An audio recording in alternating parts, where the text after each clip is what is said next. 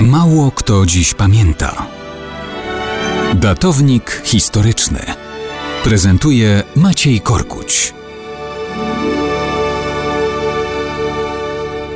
Kto dziś pamięta, że 23 listopada 1880 roku w Białym Domu umeblowany finał znalazła historia ekspedycji brytyjskiego żeglarza polarnego badacza Arktyki Johna Franklina. Co ma wspólnego brytyjski oficer z siedzibą prezydenta USA? No, w gruncie rzeczy nic, chociaż Franklin był doświadczonym oficerem, uczestnikiem wojen i dowódcą jednego ze statków poszukujących drogi do brytyjskich Indii przez Arktykę. Niewiele wskórał, ale potem uczestniczył w innych wyprawach. Po jednej z kanadyjskich takich ekspedycji cudem przeżył, ale uratowany przez Indian został ogłoszony bohaterem, mimo kontrowersji związanych ze śmiercią ponad połowy członków tejże wyprawy. Czy to się łączy z Białym Domem? To nie, chociaż Opromieniony sławą Franklin prowadził nowe wyprawy arktyczne.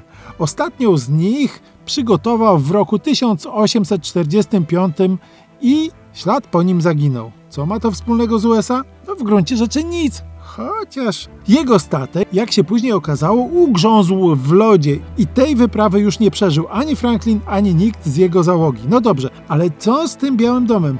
No nic, chociaż Franklina poszukiwały latami różne wyprawy ratownicze.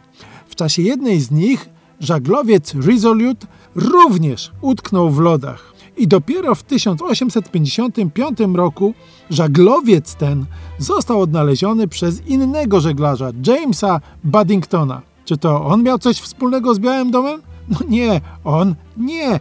Ale władze USA odzyskały ten żaglowiec, zapłaciły za niego kilkadziesiąt tysięcy dolarów i odnowiły. I to łączy tę historię z Białym Domem? To w gruncie rzeczy nie. Jednak rzecz w tym, że odnowiony statek Amerykanie podarowali na powrót Brytyjczykom, u których służył ów Resolute jeszcze przez 20 lat. I co, i co ma to wspólnego z Białym Domem? To nic, ale po tych 20 latach Resolute zdziadział, zużył się i właściwie trzeba go było zutylizować. No i no i nic, ktoś wpadł na pomysł, żeby zrobić z tego drewna ekskluzywny mebel, czyli biurko. No i co z tym biurkiem? Nic nadzwyczajnego. Królowa Wiktoria postanowiła z tego biurka zrobić prezent dla prezydenta Stanów Zjednoczonych. I tu się właśnie kończy historia rozpoczęta przez Franklina. 23 listopada 1880 roku biurko z Resoluta wstawiono do owalnego gabinetu w Białym Domu. I tam u prezydenta USA stoi do dzisiaj. No i co? No i nic.